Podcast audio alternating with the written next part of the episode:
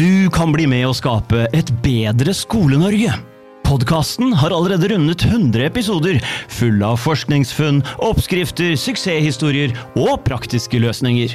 Gjør som 60 000 andre, eller hver tredje lærer i Norge. Bli med på reisen mot å skape en bedre fremtid for barn og unge. Et bedre Skole-Norge.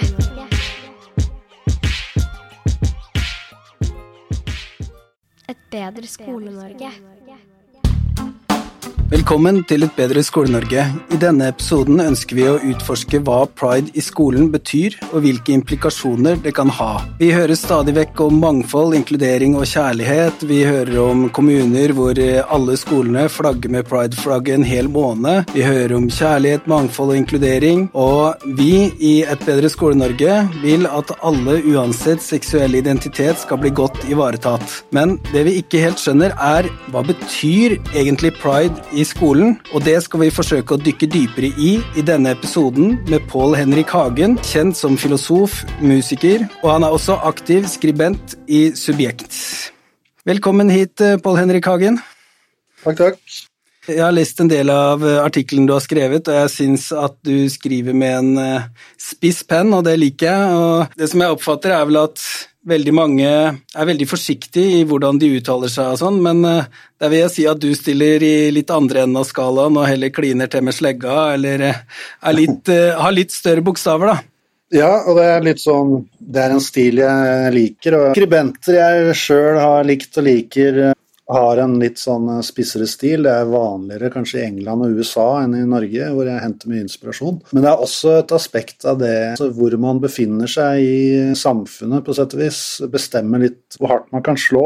Jeg har en veldig sånn uavhengig posisjon, og subjekt er også litt sånn uavhengig i mediebildet. Så man har liksom større rom for å være litt direkte, kan man si. Jeg har full forståelse for at folk som f.eks. jobber som lærere eller i offentlige posisjoner, eller til og med i private bedrifter er liksom nødt til å moderere seg litt mer, fordi man har flere hensyn som skal tas osv., men det, det, behøver ikke jeg. Nei, nei. Min, min, primære målsetning er å oppdage hva som er sant og riktig, og samtidig å være litt underholdende.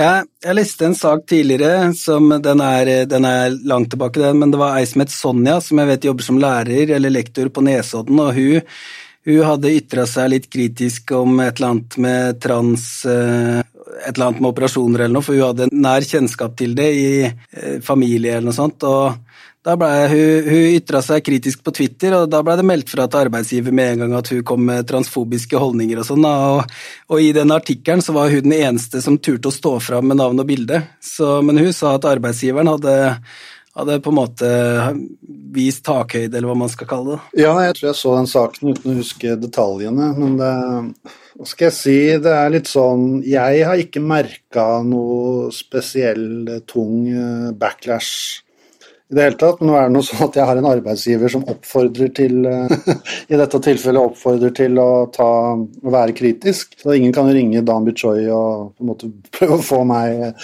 oppsagt fordi jeg er kritisk til, til f.eks. pride.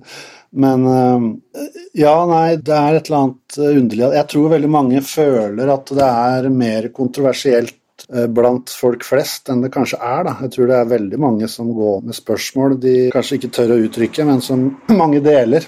Mm. Der er vi inne på en hel sak i seg sjøl, om liksom hvem som setter føringene for hva som er anstendig samtale osv. Mm. Jeg har lyst til å bare lese litt. Jeg snakka tidligere i sesongen med en tysk pedagogikkprofessor som heter Klaus, som har laga en oppdatert ed som er basert på en sokratisk ed som han mener at alle lærere burde lese da, og forplikte seg til, fordi han mener at da verdiene er det som styrer oss og som påvirker alt det andre vi gjør er det sånn han ser det, basert på forskning. Så der sier han blant annet en del av eden er sånn her, da. Jeg forplikter meg ovenfor samfunnet at skolen skal være et sted for reproduksjon og innovasjon av sosiale verdier, og jeg forplikter meg også til å ikke bare være reaktiv, men også proaktiv i forhold til videreutviklingen av samfunnet vårt. Det er bare et lite utdrag, men skolen har jo også sånn i overordna del av læreplanen at vi skal lære barn og unge å tenke kritisk. Kritisk tenkning er utrolig nå føler jeg bare sier helt åpenbare ting, men altså det er jo Noen ganger er det banale er det dype. Vet du. Ja, ja. Det er så viktig framover i medievirkelighetene vi lever i og alt mulig, at vi har litt kritisk tenkning. Og da tenker jeg det er på sin plass med å snakke litt om hva pride betyr i skolen, fordi det er jo sånn at um, altså Før, sånn jeg oppfatta pride, for kanskje fem år siden, eller noe sånt, så var det stort sett kun for homofile og lesbiske. Og da, altså selv om jeg har kjent folk tidligere i livet som har bytta kjønn og alt sånt, så det var liksom ikke noe stort fokus. Jeg vil si det er de seinere åra at den LGBT-bevegelsen har vokst, men uh, hvis vi bare skal begynne med den LGBT-slash-Q, kan du forklare hva som er omfatta av pride? Jeg veit ikke om jeg kan forklare det, for det er, veldig, det er så mangfoldig at det er vanskelig å få oversikt. Og på sett og vis så er det også noe av poenget. Man har det her som heter skeiv teori, som nå er veldig dominerende i som man kan kalle det pride-ideologien, som nettopp handler om å på en måte utviske grenser og å gjøre ting uklart og lite spesifikt. Det gjenspeiler seg i, i begreper som ikke-binær, f.eks. At man skal oppløse de tradisjonelle kategoriene, de, de liksom bastante kategoriene, mann, kvinne, ferdig med det. Nei, man skal på en måte løse opp myke opp, viske ut disse linjene for å frembringe en annen måte å både forstå verden og seg selv. Jeg er jo enig i at eh, pride for flere år siden, kanskje bare fem-ti år siden, ble oppfatta som en bevegelse for homofile og lesbiske. Men det er klart, jeg deltok aldri i pride. Jeg tror det var altså jeg vet ikke om det bare var meg, men jeg hadde litt sånn følelsen at dette gjaldt jo ikke meg. Altså, for jeg er heterofil. Og dette her med sånn alliert og sånn, altså det de kaller allierte, dvs. Si de som ikke er skeive, men støtter deres sak, det er også noe som har tiltatt de siste åra. Og det er klart, Hukommelsen virker å bli dårligere og dårligere både kollektivt og individuelt i samfunnet nå for tida. Men det er jo ikke så lenge siden pride ikke var en eh, så gigantisk greie i det hele tatt. Noe har skjedd. Og Paradoksalt nok så virker det jo å ha tiltatt i styrke etter hvert som fordommene har blitt mindre. Man har jo stadig mer aksept for alle mulige former for alternative seksualiteter og, og annen legning. Og altså jeg spekulerer i at det er nettopp aksepten som gjør at de må på en måte gire opp. Fordi at det, det Ikke at Eller eh, på en måte blir det kjedelig, men radikalismen behøver alltid å utvide rammene sine for, for å på en måte få drivkraft. Så på underlig vis så er det, er det blitt en oppfatning om at det er veldig mye fordommer mot eh, homofile i en tid hvor det er mindre fordommer enn det noen gang har vært tidligere. ikke sant?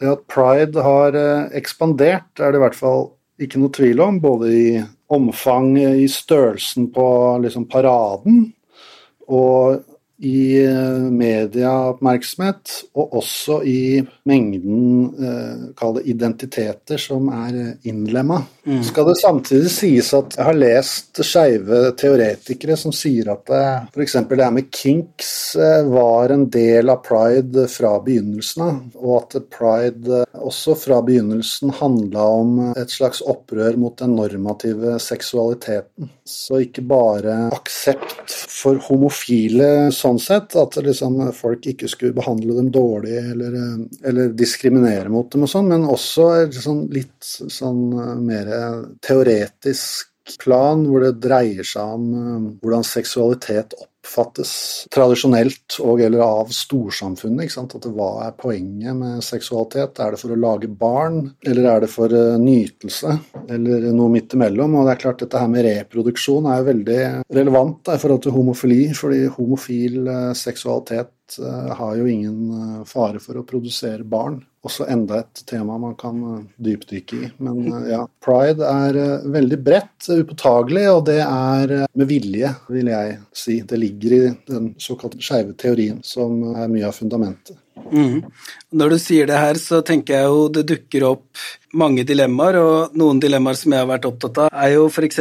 det at FRI er jo en organisasjon som sier helt åpent på egne nettsider at de forsøker å påvirke storsamfunnet og fremme sin agenda. Da. Det står, Noe sånt står på nettsidene deres, og så tenker jeg også det at hvilke verdier er det egentlig som skal fremmes? Fordi hvis det handler om den eh, homofile ungdommen på bygda som holder på å ta selvmord, så tror jeg de fleste er enig i at her må vi tenke mangfold, her må vi tenke inkludering og alt sånt, men hvis det handler om å løse opp normer helt og totalt og lære det til min 14 år gamle datter, så er, så er, jeg ikke så sikker på om jeg er enig i mange av de tinga her. Da. Så det er sånn Og hvis alt hva skal man si, kjærlighet. Hva er kjærlighet igjen? Det, er, det reiser noen litt sånn eh, perspektiver, og da da blir jo neste spørsmål sånn Er skolen i det hele tatt riktig arena, og, og er det sånn at uh, man bør, bør man ikke diskutere det her litt nøye, sånn at man i hvert fall vet hvilke verdier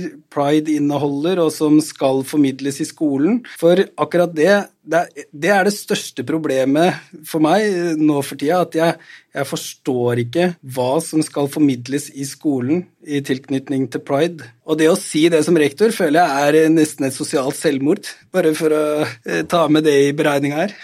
Ja, ja. Nei, altså, jeg forstår deg jo veldig godt. Fordi at det er, ikke, det er ikke mulig å si med presisjon hva pride handler om. Og derfor er det selvfølgelig veldig underlig at det skal eh, være så framtredende i skolen. Nå skal det sies at eh, alle veit vel på sett og vis hva, hva som framstilles som hva pride handler om. ikke sant? At det handler om mangfold, inkludering og kjærlighet. Eh, retten til å være den man er, osv. Som filosof, eh, blant annet, så er sånne ting bare fullstendig meningsløst. Å si en setning som 'du har rett til å være den du er', er bare en sånn 'hvem du er', det er et enormt eh, spørsmål ikke sant? hvis man skal gå i dybden. Og eh, hva kjærlighet er for noe, er heller ingen som egentlig kan påstå å kunne sette fingeren på sånn veldig presist. Og det er på en eller annen måte noe veldig naivt og rett og slett barnslig over hvordan det her blir diskutert i samfunnsdebatten eh, sant, eh, for de voksne. Nesten som om man snakker til barn. Det er ingen nødvendig sammenheng mellom at man skal ha pridefeiring i skolen og det å på en måte beskytte verdier som inkludering, mangfold eller kjærlighet. Altså Pride har ikke noe enerett på de verdiene, hvis man kan kalle det det. Og i tillegg vil vel ingen påstå at de verdiene ikke ikke fantes i skolen før man på en måte hadde pride. Altså Jeg som er eh, kritisk og har sett på det her, liksom, ser noe helt annet i, i, det at pride skal eh, være uh, framtredende i skolen. Det er, på, det er en slags uh, snikinnføring av visse radikale og ideologiske forestillinger, enten som ligger mellom linjene, eller som er på en måte under de store linjene om eh, at homofile skal eh, ikke mobbes, eller at alle har rett til å elske hvem de vil, osv. Det er sånne ting som nesten ingen er uenig i. At man skal behøve en stor demonstrasjon og symbolikk og sånn for å få det igjennom, er på mange måter absurd. En av årsakene jeg kan tenke meg til at det har fått så fotfeste i skolen, det er kanskje fordi at det har vært lite informasjon ute i skolen på hvordan vi skal håndtere slik problematikk. Det har ikke vært så mye kunnskap om ute i skolen, kanskje. Og så har det vel blitt tilbudt kurs fra organisasjoner som man kan diskutere om kanskje har en aktivistisk rolle, da. Og så takker man ja til det. Og så er det litt sånn at ja, uten at jeg har veldig god kjennskap til det her, så burde det kanskje vært sånn at Rikshospitalet hadde vært de som snakka om kjønnsinkongruens, men i stedet så får man kanskje en aktivistorganisasjon som snakker om det, som har mer en ideologi de, de følger. Og jeg tenker jo som skolemann som, eh, som ønsker det beste for barn og unge, og nå tenker jeg f.eks. på folk med autisme, særlig jenter. Når jeg har sett på statistikker, i hvert fall, så er de veldig overrepresentert i forhold til kjønnsinkongruens. Da. Sånn at da blir det et sånt dilemma om at er det sånn at skolen, fordi de informerer om at kjønn kanskje er mer en mental forestilling enn biologisk faktum, kan det føre til en slags identitetskrise for særlig jenter med Aspergers syndrom, som gjør at de ender opp med å ta kjønnsskifteoperasjon de kanskje angrer på seinere. Altså nå, nå, maler jeg ut et veldig stort bilde her. Eller, eller det som er mer normalt, å ta hormoner eller eh, også det man kaller pubertetsblokkere og, de tinga der. Altså, fordi den drøyeste operasjonen, kan du kalle det, den, den er jo relativt sjelden. Ja. Altså det å rett og slett operere kjønnsorganet, det er liksom det er, det er ikke så mange som gjør det. Og det, Der er det også en, en type flytende utvikling der. hvor Det er noe av opprinnelsen til at man får begreper som kvinnelig penis, f.eks. At eh, en kvinne skal også kunne ha penis, fordi kjønn er en mental forestilling, og derfor den eh, fysiske kroppen spiller eh, ikke noe rolle, sånn sett. Igjen så har du det her at det er så flertydig og så lite presist at det, det, det, ender opp med å bli alt mulig rart samtidig. Og det, særlig når det skal innlemmes i lovverk og skoleverk, så blir det antitetisk, som de kaller det. Det, det, liksom, det går imot alle tradisjoner man har både for hvordan lovverket fungerer og skoleverket. Du må jo ha noe konkret som du skal formidle, ikke formidle at uh, ukonkrethet er, uh, er, det man forsøker å oppnå. Det var bare egentlig en kommentar om, om den transaspektet, altså hva, hva, som er farene man står overfor. og Det minner meg på at liksom, særlig det her med transspørsmålet, kjønnsspørsmålet, så har jo særlig i USA og sånn, så har jo debattene gått mye rundt uh, disse fysiske behandlingene, altså hormonbehandlinger og det å fjerne puppene f.eks. er veldig hva skal man si, mye snakka om. Men det er altså ikke alltid det som eh, skjer. og som sagt, Man har også disse variantene hvor man rett og slett bare sier at man føler seg at man er et annet kjønn i hodet sitt, og ikke trenger å gjøre noe fysisk. Men ja, nei, igjen, det er liksom så mange varianter der. Men det, det som virkelig er eh, problematisk, er jo når unge, påvirkelige individer blir overbevist om at de skal gjøre fysiologiske inngrep for å imøtekomme sin mentale forestilling om kjønn. Og gjøre behandlinger som, som ikke kan reverseres. Ikke altså når du først har tatt mannlige kjønnshormoner en periode som jente, så vil du utvikle et slags stemmeskifte, blant annet. Det, det blir man ikke kvitt. Så ja, der er, det, der er, det, virkelig store problemer i spillet, og særlig når det gjelder dette folk på autistspekteret, som har vist seg å være en stor andel av de som tar disse behandlingene. Mm. Og et annet aspekt der er også det her med at i kall det gamle dager, fem år siden, ti år siden, så var det en, en idé om at trans var noe man var født som, og at uh, det var noe som opptrådte i veldig tidlig barndom. Og man snakka om altså de som forsto seg sjøl som et annet kjønn. Ville, altså hvis du var gutt, så ville du ha jenteklær, og motsatt. Allerede som tre-, fire-, femåring osv. Og, så og at dette var på en måte helt tydelig en, en form for uh, medfødt uh, tilstand som krevde en eller annen form for behandling. Men i seinere tid så har også det falt bort, og mange opplever jo da denne kjønnsinkongruensen først i tenåra. Og særlig jenter har det vist seg, uten å ha liksom uh, utvist noen symptomer på det i, i tidlig barndom. Og dermed sant, at dette kommer parallelt med puberteten, som allerede er et hormonelt kjør for alle og enhver. Og virkelig ikke en tid hvor man skal ta livsforandrende avgjørelser. Slutt. Jeg tenker på eller hvis vi skal legge godsida til, da, hva positivt tenker du pride kan bety for skolen? Jeg forstår godt uh, behovet for å jobbe for uh, toleranse og inkludering osv. Og jeg personlig har ingenting imot verken homofile eller transpersoner. Tvert imot er jeg flere i egen omgangskrets.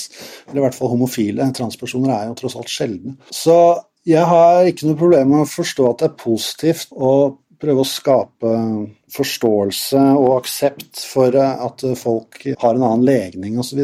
Men jeg, jeg, er ganske overbevist om at det hauses opp de problemene som de, denne gruppen eventuelt står overfor. Og at det, liksom, det, det benyttes i politiske øyemed, at man skaper sånne offergrupper med dertilhørende undertrykkelsesnarrativ, hvor man eh, selger inn en hel sånn virkelighetsforståelse om liksom hvordan samfunnet og historien er bygd opp. At det eksisterer sånne undertrykkelsesmekanismer som på en måte manifesterer seg i eh, dårlig behandling av eh, homofile osv. Jeg tror ikke det er så stort og mystisk. Det er liksom Mennesket har alltid hatt inn- og ut-grupper, og det er veldig naturlige forklaringer på, hvorfor det er sånn. Og alle som på en måte skiller seg ut på en eller annen måte, har alltid slitt litt, eh, særlig i ungdomsskolealder osv., også, også på videregående. Og det minner meg på det her at hvordan skal man lage en distinksjon mellom smerte smerten til en homofil som blir mobba på skolen, og, og smerten til f.eks. noen som har rødt hår, eller noen som er uh, kortere enn de andre, eller lengre enn de andre. Hvis du har stor nese, store ører, rar dialekt. Alt som skiller deg ut fra en uh, antatt norm, særlig da i, sånn, sånn i tenåringsalder, det vil føre med seg et, eller annet form for ubehag. Og det er klart det er sikkert sånn som de som jobber i skolen kontinuerlig må forholde seg til, og prøve å unngå at det blir eh, for mye brutalitet. For barn og ungdom kan være brutale. Men å liksom se for seg at uh, For det første det her at liksom, det er noe helt spesielt med det skeive som gjør at de er ekstra utsatt. Jeg kjøper ikke den. Og en eller annen forestilling om at man kan fjerne sjølve observasjonen av annerledeshet og uvanlighet, ikke sant. Det er en umulig oppgave. Så jeg tror eh, skolen eh, allerede med helt tradisjonelle former for eh, skikk og bruk og folkeskikk osv. var på rett spor. Og at man ikke behøver den her ekstra pakka som pride nå representerer. du trenger ikke ha eh, pride for å, for å, forstå at det ikke er eh, greit å enten eh, mobbe eller være kjip mot noen fordi de er homofile. Jeg blir litt sånn um det her eh, kommer kanskje fra ingen steder, men hvis man først skal lære masse om ting i tilknytning til pride, så tenker jeg sånn Men hvorfor i all verden lærer vi det ikke om hvordan man får et forhold til å funke, f.eks.? Altså, jeg har jo et eh, forhold bak meg sånn, som gikk i ja, Kort fortalt er jeg gift på nytt nå og har en eh, unge fra tidligere ekteskap. Og da er det jo sånn, Hvis vi først skal lære å verdsette ulikhet, la oss også lære hvordan vi får et forhold til å funke skikkelig bra, sånn at vi kan skape best mulig oppvekstmiljøer for barn og unge. Sånn at f.eks. dattera mi hadde sluppet å flytte fram og tilbake annenhver uke. Altså, Sånne ting tenker jeg hadde vært ekstremt verdifullt for barn og unge å lære f.eks. på videregående. da, på, Kanskje på høyde med X-full og X-fac. Kanskje enda viktigere å lære sånn livsmestring i praksis med, med sånne ting. men jeg opplever vel at kanskje jeg overtenker eller er litt eh, for selvbevisst, men jeg opplever meg nærmest som prippen hvis jeg begynner å snakke om hvor positivt det er med heteronormative normer, eller altså hvor bra Hvis jeg sier noe sånn som 'tenk så bra for et barn å vokse opp med to foreldre som er gift', og si noe sånt, det er akkurat som du må være klar for motstand, opplever jeg. Nei, altså det å være Prippen det er tydeligvis også et begrep som forandrer seg over tid. ikke sant? Jeg hadde en Facebook-debatt med en fyr Jeg tror ikke han var tilknytta FRI, men han var tilknytta noe som het Chemsex Norway. Som dreier seg om tryggest mulig gjennomføring av folk som bruker kjemikalier, altså diverse former for narkotika når de har sex, gjerne gruppesex. som jeg hadde kritisert litt i en spalte jeg skrev. og Han skrev noe sånt som at jeg hadde helt åpent åpenbart et veldig konservativt syn på sex. Måtte jeg svare at ja, det er mulig at hvis man mener at det å ha gruppesex eh, på dop er liksom at, Å ha et liksom avmålt forhold til det, at det er definisjonen på å være konservativ. Så ja, kanskje jeg er konservativ. En gang i tida så var jo konservativt det å vente med sex til ekteskapet. ikke sant? Så det er klart, grensene flytter seg her. Og igjen det at uh, man skal se på det som eh, strengt eller konservativt og mene at det er bra å ha både en mor og en far eh, for et barn. Det er jo eh, underlig, kan du si, men det, det ligger litt inni der. altså Prippen konservativ. altså Ja jo, det er kanskje egenskaper som er uglesett særlig på venstresiden i norsk politikk, og kanskje også over i store deler av høyresida. I andre land så er det hedersbetegnelser. Jeg anser, jeg anser ikke meg sjøl som konservativ, men eh, jeg har respekt for de som er det, og mange kloke konservative. Og det er klart det er, liksom, det er noen overlappende verdier her som kanskje alle kan være enige om. Sånn, som sånne helt enkle ting som at det, det, er fint å ha to foreldre for et barn, og at de har stabile forhold. det er veldig mange veier man kan gå i, i diskusjonen om det. ikke sant? I oppløsningen av normer, seksuell frigjøring osv. Hvordan det har påvirka parforhold og hvordan parforhold utspiller seg i den skeive verden. Eh, Bl.a. forskjellen i hvordan homofile menn eh, sine forhold utspiller seg, og lesbiske kvinners forhold. Det, det, dette er ikke likt. Så, og igjen, der har vi sånn, et eksempel på hvordan det, det såkalt skeive ikke alltid har overensstemmende interesser eller oppfatninger. Ja, nei, det, vi, vi, befinner oss i en tid av omveltning. Så det man en gang oppfatta som standard, er plutselig blitt eh, liksom reaksjonært. Og da må man på en måte ta et personlig valg, da, hva man, man har lyst til å stå for noen ting. Og jeg tenker at en verdi som at det er bra for barn å ha to biologiske foreldre, er veldig enkelt å stå for.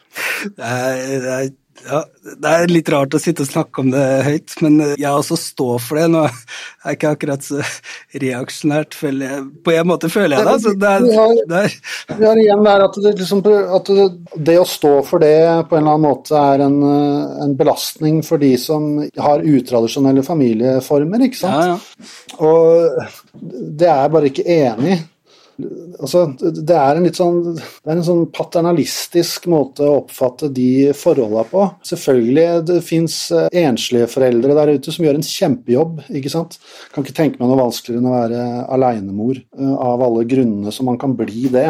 Og, man tar ikke noe vekk fra de, mener nå jeg bestemt, ved å si at det, det, ideale er selvfølgelig en mor og en far i et hjem som kan dele på oppgavene og formidle både maskuline og feminine verdier, skal jeg si. Mm. Uh, og, ikke sant? Det, igjen, er, sånn, det er noe nedlatende der, at, at et lesbisk par på en måte skal føle seg så støtt at uh, den tradisjonelle familieformen uh, viser seg å, å, ha veldig mange positive egenskaper. Jeg tror ikke nødvendigvis de er så skjøre. Men det er klart man får andre former for uh, diskusjoner og motsetninger når man snakker om hvorvidt homofile foreldre bør kunne ha barn osv., og, så videre, og hva det innebærer å drive med surrogati eller å ikke ikke ha tilknytning til enten begge eller én biologisk forelder osv. Det er klart det er vanskelige etiske problemstillinger, men de fremstilles ikke som vanskelige, de fremstilles som selvfølgelige. At det, nei, det skal ikke diskuteres engang. Det, det er ingenting flottere enn et homofilt par som, som, har barn. Det er, kanskje det er til og med bedre enn det tradisjonelle. Det er, det er, sånn, det er sånn man gjerne vil snu debatten. Jeg merker at eh, altså, hvis man når man ser pride-flagget, så tror jeg folk tenker veldig ulikt om hva de legger i det symbolet. Og jeg tror eh, at eh, Altså, du skrev jo en eh, omfattende artikkel i Subjekt der du løste opp i litt ting, og du Sånn jeg husker det, så setter du vel fingeren på annet at pride omfatter chemsex og kinks, og, altså folk med fetisjer. Men selvfølgelig også homser, lesber, bifile og transfolk. Men det er, jo, det er jo en del Altså hvis man er en tradisjonell nordmann som lever i et helt vanlig heterofilt forhold, det er liksom mor og far i boligbyggelaget som går på Obos-konsert en gang i året og ellers er så gode foreldre de kan. Jeg tror de er veldig for mangfold og at barna skal lære, lære å inkludere alle folk selv om de er litt annerledes og sånt, men jeg tror ikke de er spesielt mye for oppløsning av normene helt og totalt, f.eks. Ikke det at kanskje det inngår i pride-bevegelsen, men altså, jeg tror ikke de er Det er spørsmålet, ja. ikke sant. Hva inngår ja. i pride-bevegelsen? Ja. Og noe av min kritikk der jeg, jeg skjønner veldig godt uh, innvendinga om at nei, men pride er stort sett bare vanlige homofile, eller hva man skulle si, som bare ønsker å leve et normalt liv og ikke bli eh, diskriminert og, og slengt dritt etter og sånn. Men problemet er at Pride-paraden inkluderer så mye. og oppfordrer jo til det på mange måter. og Det offisielle programmet til Pride hadde jo alt fra sånn arrangementer av Chemsex Norway, synlige deler av Pride-paraden. Det er folk som kler seg ut i lakk og lær, og det er hundebånd, og det er alle disse perifere tilskudda, men som samtidig er definerende for hva pride dreier seg om. Hvis pride var 17. mai-tog med bare i anførselstegn normale folk som gikk i dress og slips og veiva med et flagg, så hadde det ikke vært pride, ikke sant? Pride er pride fordi at det er litt drøyt. De kler seg enten minimalt eller med underlige kostymer. Alt fra drag til glinsende halvnakne kropper i glitter og til eh, kink-kostymer. Det feirer det underlige og annerledes, eh, spesielt eh, relatert til seksualitet. Og det er helt ok for meg at de er ute og paraderer, men hele problemstillinga dukker jo opp nettopp fordi man skal involvere skoler og, og barn i dette greiene. Og da, da, får man en helt annen diskusjon. ikke sant? Hva er det egentlig vi aksepterer og tolererer her? Hva er det vi gir vårt bifall til? Ikke sant? Må du støtte sadomasochistisk orgieklubb?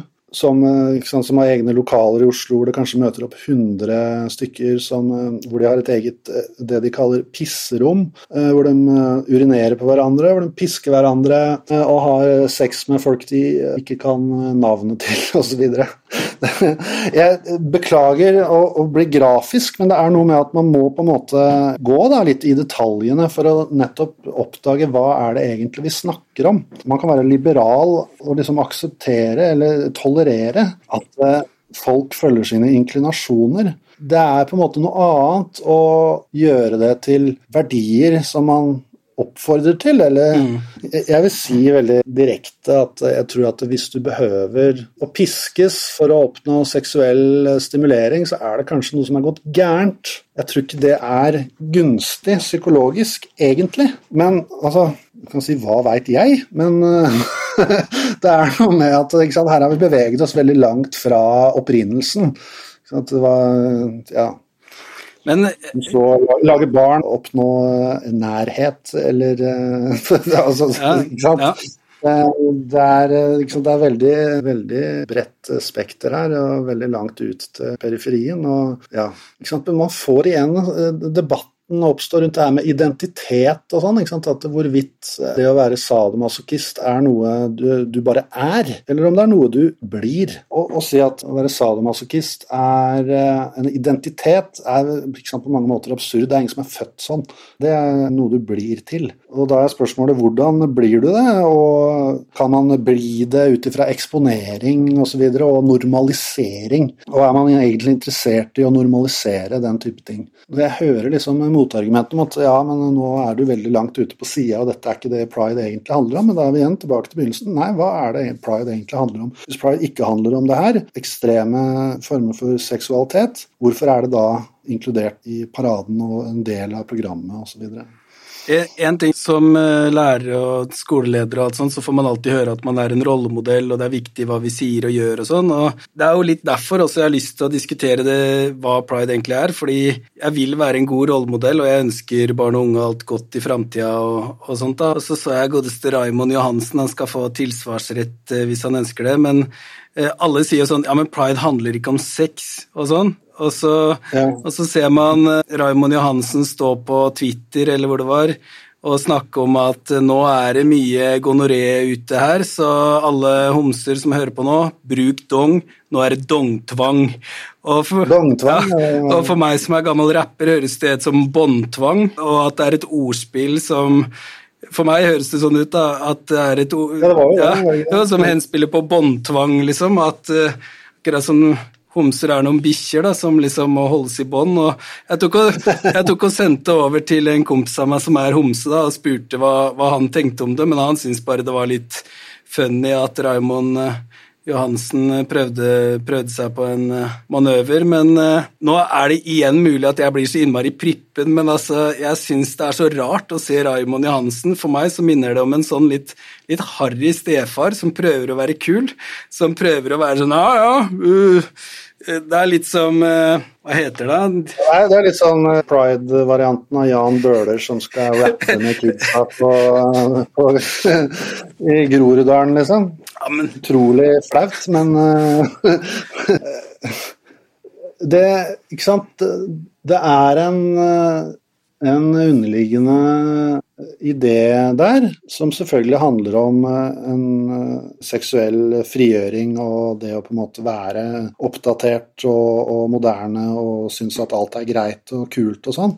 Man har jo også i Oslo det her med at det fins enkelte steder i skauen hvor homofile menn eh, liker å møtes for å ha tilfeldig sex. Og det kommunen har gjort, er å på en måte sette opp egne sånne kondomdispensere og diverse andre hjelpemidler, sånn at dette her skal foregå mest mulig smertefritt. I stedet for å kanskje si at eh, det er ikke lov å ha sex offentlig i skauen. Jeg lengter til et sted hvor alt dette her er ikke liksom statsregulert. Jeg skjønner at det kan være spennende å ha sex i skauen, ikke sant? Men, men når, når, staten kommer inn og på en måte bidrar med liksom utstyr og på en måte eh, støtter det, så forsvinner mye av spenninga, vil jeg tro. Ikke helt og fullstendig, men det er et eller annet som utvannes der. Når Raymond Johansen liksom er på Instagram og snakker om dongtvang og sånn, så det er, det er utrolig kleint, for det første. Men det er også en sånn derre ja, en sånn klein og påtatt åpenhet der. Alt er så greit og kult. Det er, sant, det er helt utenkelig å, å, si at uh, kanskje man skal chille litt på antall sexpartnere og sånn, som jo selvfølgelig er grunnen til at det, det blir så mye spredning av kjønnssykdommer. Det, det, er helt utenkelig å gå den retninga, for da er man prippen konservativ, døv osv. Nei, alle skal ha lov til å alle skal å pule rundt i alle mulige retninger, og det er skikkelig fett. Det er lett å forstå impulsen, men det er litt sånn, ja, det er liksom forskjell på individnivå og samfunnsnivå her. Hva som liksom er digg og fett på individnivå, er kanskje ikke like fett uh, kollektivt uh, hvis uh, alle skal dyttes i den retninga. Så ja, det er, det er, akkurat så. Altså, Som far til en jente på 14 år, da. Jeg prøver jo å formidle at uh, det her blir litt rart å ta på lufta, men uh, liksom jeg, jeg, prøver jo Nå høres jeg sikkert veldig prippen ut igjen, men sex er liksom noe fint. Å forklare til hun da hva han, hva han egentlig sier der, og hva det inneholder, alt det greiene der det er så sykt at jeg, jeg har ikke jeg. Ja, og jeg, jeg, jeg, vil påstå jeg er tilhenger av litt sånn tradisjonell papparolle som er sånn du, du, skal være truende og vanskelig med alle gutter som hun tar med seg hjem. Hennes kjæreste skal være redd for pappa fordi at uh, jeg veit hva du tenker, din lille gris, og du skal bare glemme det, liksom. det er ikke noe der ja, bare, bare ja, hvis, hvis, alle syns det er greit og det er fint og sånn, så, så, går det bra. Nei. det skal på en måte være en litt sånn en norm. Mm. Som ligger der, og så kan man bryte normen, fordi da opplever du litt spenning. Og, men altså, du kan ikke bryte ned normen. Nei, nei. For altså, Den skal være der i midten, og så kan man liksom bevege seg inn og ut. Men når man plutselig gjør det til en sånn her Jeg husker det NRK-programmet Trekant. Det kom jo for sånn ti år siden. Eller annet, og De hadde sånn analsex-del hvor det var sånn, sånn 17-åringer som sitter og snakker ja, alt er ok, bare det føles bra. Pff. Nei, nå må dere må dere slappe av, liksom. Spar det til du blir 50. Mm. Det er det er uh, herlig å ikke være prippen aleine. Jeg mener at uh, det er litt sånn uh, det, det, blir motsatt. for nå er det jo, altså Prippent var jo en gang det som var liksom borgerskapets føringer osv. Nå er jo borgerskapets føringer det å liksom være så jævla frilynt og, og åpen. Ja. ikke sant? Bare, Gud. Jeg tror jeg skal gjøre det litt motsatt. altså Jeg tror jeg skal bare ta det som en hedersbetegnelse, akkurat som uh, på Twitter så pleide jeg alltid å si når jeg diskuterer skole, at ja, det her er evidensbasert og bla, bla, bla, så da begynte alle å kalle meg evidensgutten. Så kanskje jeg skal begynne å kalle meg den prippende evidensgutten. Vi får se. Det er en løsning, nei. Men det er klart, altså det er en sånn Noe av det her er liksom hva som eh, appellerer til ungdom osv., og, så videre, og jeg veit ikke om prippenhet noen gang egentlig vil være eh, kult. Men etter hvert, liksom, hvis, man får, hvis man oppnår fullstendig normoppløsning da, og snur alt på huet, så vil jo til slutt det å være totalt frilynt eh, gruppesexfantast være normen. Og da blir jo det døvt igjen. Mm. Kanskje jeg bare skal holde på med det samme hele tida, sånn at uh, til slutt så blir det populært igjen. Uh, ja. ja Det er vel noe med hvordan få en unge til å gjøre noe, det er å si at han skal gjøre det motsatte, på en måte. Men eh, Hvis du tenker at du nå snakker til lærere som skal lære elever å tenke kritisk, er det noe du vil oppfordre til eller si til de på, på et eller annet nivå? jeg, jeg vil altså f- kanskje først og fremst oppfordre til til å sette seg litt dypere inn i, hvis man ikke allerede har gjort det, dypere inn i hva disse tinga egentlig handler om. Så bare gjør egen eh, research. Eh, Et begrep som er blitt så angrepet de siste åra. Altså Man kan lese mine spalter, eh, annet fordi der er det mange, jeg har mange linker til, til andre tekster osv.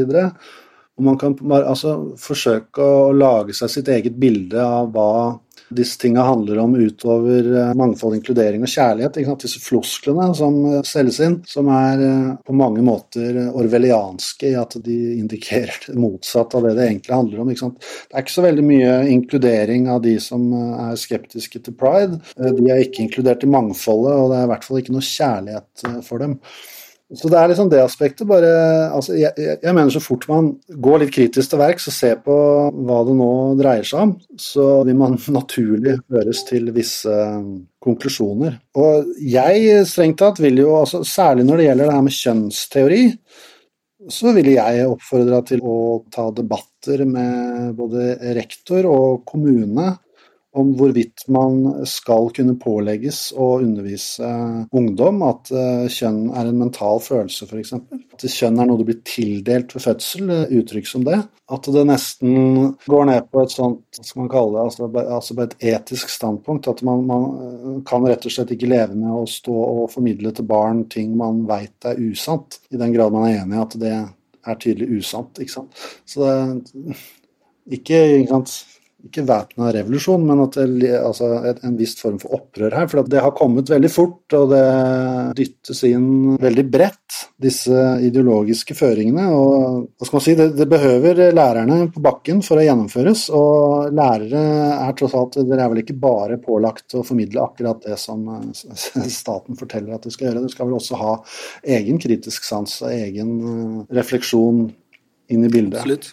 Og jeg kjenner også noen lærere som, eh, uten å nevne navn, som eh, tar disse diskusjonene i klasserommet mer eller mindre på sida av pensum. Så ikke gjør som eh, rektoren din sier, nei. Nei, men det er altså Lærere har metodefrihet og de skal jo holde på med dannelsesoppdrag parallelt med det faglige, så og altså hvis man tenker at man har forplikta seg til å, til å hjelpe den oppkommende generasjonen, så er det jo viktig at man eh, gjør seg et par tanker da, om hva som kan være klokt at de har med i bagasjen. Så vi ønsker at de skal ha best mulig liv, og at samfunnet skal gå best mulig, så ja, da er det viktig å sende med de noe bra. Det er ikke sikkert at uh, nyutklekka akademiske, utrerte teorier er det som uh, nødvendigvis er det beste for samfunnet på lang sikt. Sant? Dette her er veldig marginale greier, rent akademisk og filosofisk, som plutselig bare liksom swish er inne i, i mainstream. Men uh, enhver som har et litt kjølig hue og interesse for ideer og sånn, ser ganske umiddelbart at det her er ganske langt uh, ute på viddene. Så det er ingen skam i å være i opposisjon til det. Snarere Ja. tvert imot. Herlig. Eh, tusen takk til eh, Pål Henrik Hagen. Altså, jeg må bare si at jeg tenker ikke å kjøre masse tilsvarsgreier og sånn her. Eh, jeg tenker som så at en podkast trenger ikke å ha samme etterrettelighet, tilsvar og alt mulig som en vanlig avis eller et vanlig medium. Jeg tenker ikke at jeg er omfatta av Vær varsom-plakaten på samme måte. sånn at hvis du tenker at du må få balansert det her ut, og at du er veldig provosert nå, så anbefaler jeg deg å høre på noen episoder fra lektor Lomsdalen, som nok mener ganske andre ting enn meg om dette temaet. Så gjør gjerne det. Og så må jeg bare si at jeg hadde følt meg som en person uten integritet hvis jeg ikke hadde tatt opp de temaene her. Jeg tenker vel ikke at det skal bli en lang føljetong i, i den poden her, men eh, jeg mente det var verdt å nevne et par ting om det. Så blir det ikke noe lang oppsummering annet enn at hva pride er, er uklart, og det må bli tydeligere, fordi det ligger så mange verdier og potensielle verdikonflikter inni her at det må vi ta tak i, kjøre debatter og snakke ordentlig om. Vi kan ikke bare implementere det all over og så si at det handler om mangfold, kjærlighet og inkludering. Vi må ta noen nyanserte samtaler rundt dette. Takk for at du hørte på. Gjør Skole-Norge bedre på den måten du kan. Vi høres.